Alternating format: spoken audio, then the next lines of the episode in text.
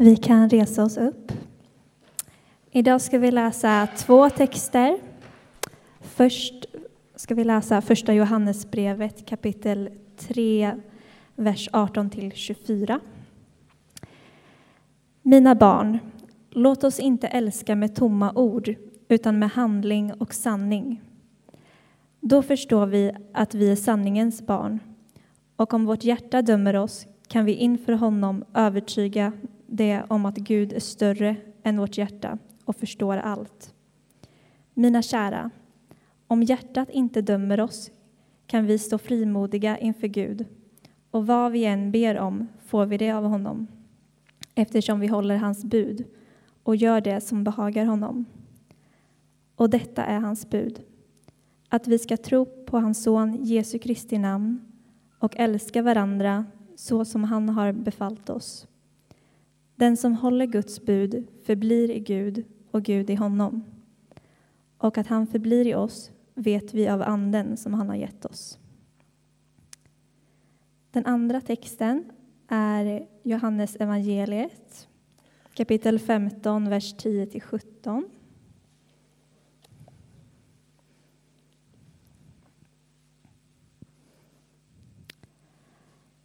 Om ni håller mina bud blir ni kvar i min kärlek så som jag har hållit min faders bud och är kvar i hans kärlek. Detta har jag sagt er för att min glädje ska vara i er och er glädje bli fullkomlig. Mitt bud är detta, att ni ska älska varandra så som jag har älskat er. Ingen har större kärlek än den som ger sitt liv för sina vänner. Ni är mina vänner, om ni gör vad jag befaller er. Jag kallar er inte längre tjänare, ty tjänare vet inte vad hans herre gör. Jag kallar er vänner, därför att jag har låtit er veta allt vad jag har hört av min far. Ni har inte utvalt mig, utan jag har utvalt er och bestämt er till att gå ut i världen och bära frukt, frukt som består. Och då ska Fadern ge er vad ni än ber honom om i mitt namn. Detta befaller jag er, att ni ska älska varandra. Så lyder det heliga evangeliet.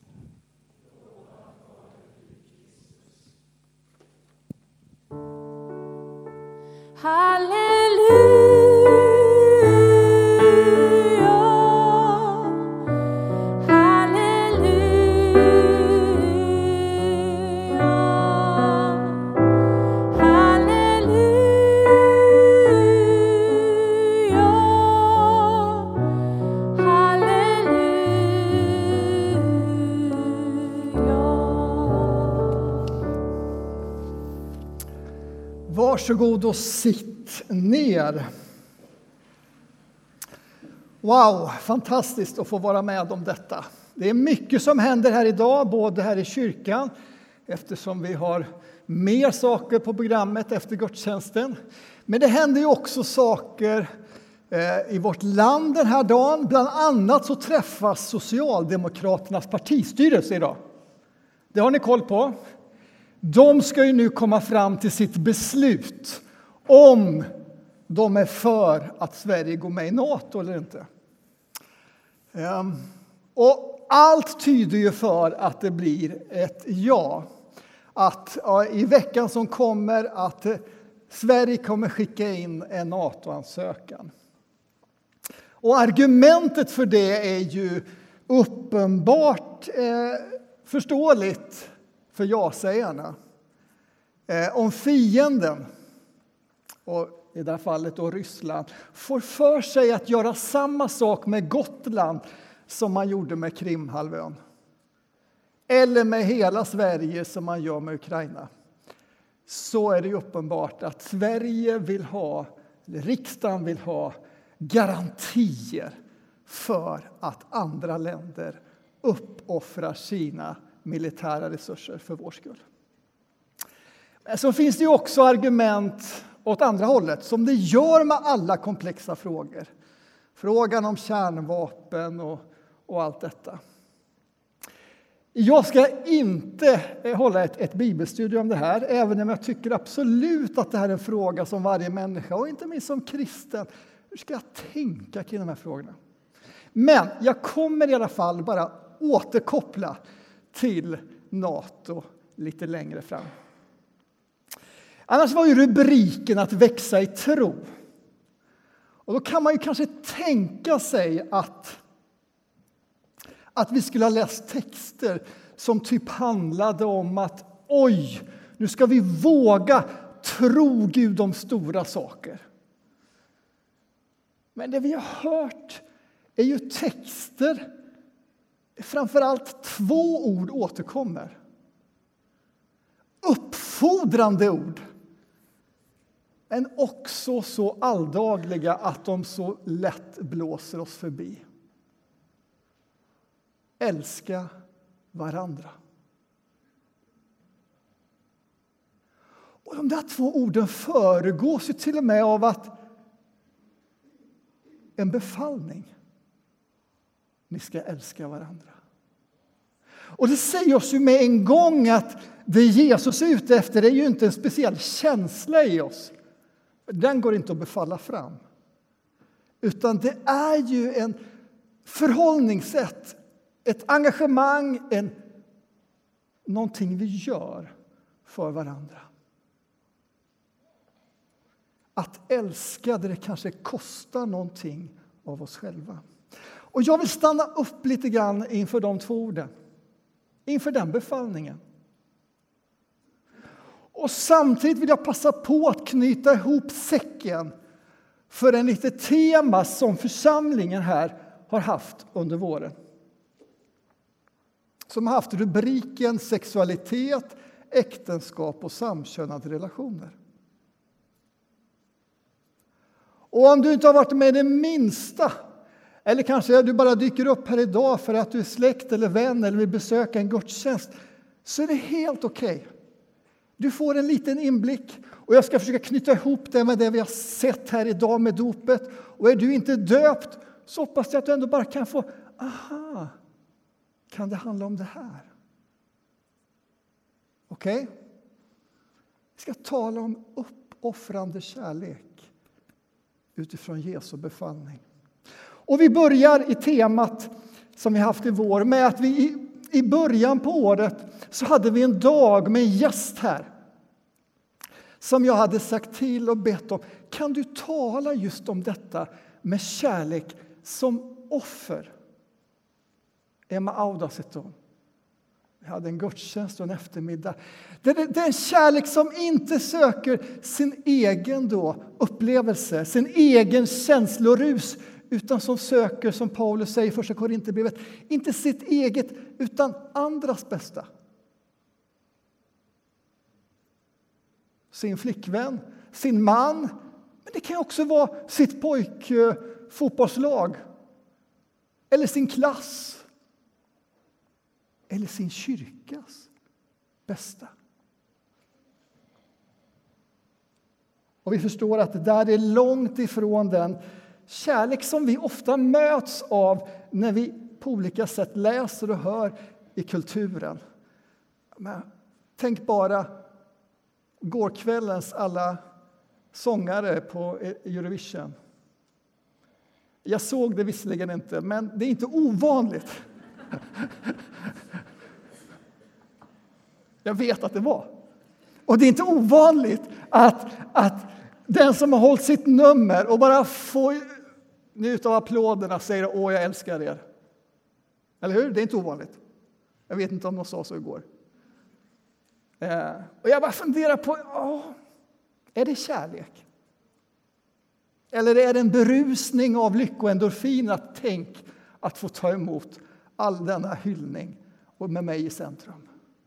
Att vi förstår att när Bibeln talar om kärlek så är det ju av en annan karaktär i befallningen älska varandra. Många av er vet också att vi den här våren då har talat om en särskild fråga. Samkönade relationer. Och för en del så bara tycker att varför har ni gjort det? Det är väl ingen fråga. Och andra av oss vet att det här är en jättesvår fråga för kyrkan. I alla fall för många kyrkor. Och i alla fall, jag säger att det har varit det i vår kyrka under våren. Därför att vi har olika uppfattningar. Vi vill alla älska, inkludera. Men vi gör det med lite olika utgångspunkter. Kompassen är Kristus, kompassen är bibelordet, men vi kommer fram till lite olika saker. Och detta har vi fått samtala om. Och församlingsledningen har i detta presenterat ett förslag som faktiskt också försöker tänka utifrån den där uppoffrande kärleken.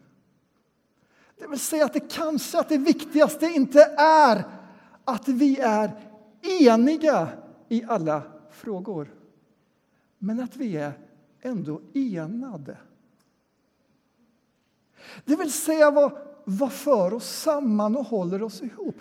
Ja, är det en kärlek som kanske innebär att vi också får uppoffra vissa egna övertygelser för en andras eller för det gemensammas skull. Har du inte varit med och tyckt att det där lät konstigt? Vad, vad, vad, hur hade det där samtalet varit? Du har möjlighet att vara med efter vi ätit korv och bröd idag. För då kommer det samtalet få fortsätta. Också när vi har pratat om sexualitet så har det i högsta grad berört kroppen. Sexualiteten har ju på något sätt sitt säte i kroppen. Och återigen, det vi möts i samhället, det kanske framför allt i kulturen, är ju en betoning av sexualitet som wow, är förälskelsens känsla. Den pirriga magkänslan, energin som bara uppfyller den. Kombinerat med ett visst skönhetsideal och kroppsbyggnad. Och när Bibeln lyfter fram det så ja, det har ju andra ingångar än just det. I fredags kväll så mötte jag och min kollega Mårten flera av ungdomarna här i församlingen. Vi hade just ett samtal, ett Sarons samtal, Seven app-edition, om sexualitet och detta. Och då läste jag exempelvis några versar från Korintierbrevet som är omtumlande. Och du kanske tänker att vad är det här för någonting? Men låt mig få läsa det igen. Jag ska inte fråga någon av ungdomarna ifall de kommer ihåg. Du behöver inte vara orolig för det. Paulus resonerar där utifrån just kroppen, sexualitet och sen senare med dopet. Och då säger jag så här. Kroppen är till för Herren och Herren är till för kroppen. Känn på den. Säg inte bönen är till för Gud och Gud är till för min bön. Utan min kropp är till för Gud och Gud för din kropp. Och så fortsätter han och säger att din kropp, era kroppar, är Kristi lemmar. Och då är det helt enkelt Kristi kropp och här talar Paulus vid andra tillfällen om dopet, precis som vi hörde att när vi döps så förenas min kropp med Kristi, Kristi kropp, med hans död och uppståndelse. Och det här är en del av trons mysterium som vi återkommer till där vid nattvardsbordet. Min kropp och Kristi kropp förenas i dopet. Och sen fortsätter det med att säga att ja, men det finns en annan trons förening. Och det är när man har sex, samlag tillsammans, så sker också där en förening, säger Bibeln här. De två blir ett. Så det är två mysterium av förening. Ett i dopet och ett i sängen. Och nu börjar vi ana, om vi för ihop dem, vilket Paulus gör att det som sker i sovrummet och det som sker i kyrkrummet är inte så himla skilt ifrån varandra. Därför att livet hänger ihop. Och Kristus vill vara en del av hela våra liv. Och därför uppmanar sen Paulus att ära sin kropp genom att ära Gud med sin kropp. Och då uppstår en spännande fråga att gensvara på Jesu befallning om att älska varandra uppoffrande också med sin kropp. Jag kanske inte gillar just dagens sånger eller lovsånger. Jag kanske tycker att det är svårt att formulera min bön till Gud. Men kan jag med min kropp ära Gud? Ja, det där är någonting att idissla över. Så jag skulle önska, har du inte hört någonting ifrån våren, har du glömt bort det vi har så fall pratat om, det här skulle jag gärna vilja skicka med. Tänk att våra kroppar har den digniteten. Vad innebär det att kunna älska så med sin kropp? Ja, för Kristus, som vi förenas med i dopet innebar det att han lät, överlämnade sin kropp för att ära Fadern. Men det kan också handla om att om jag vill ha sex men den andra inte vill, att jag avstår fast min kropp ropar efter det. Det är också ett uttryck av uppoffrande kärlek.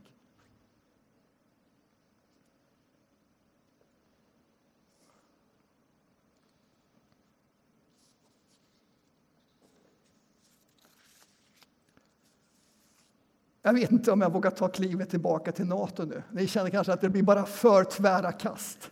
Va? Jag gör det ändå.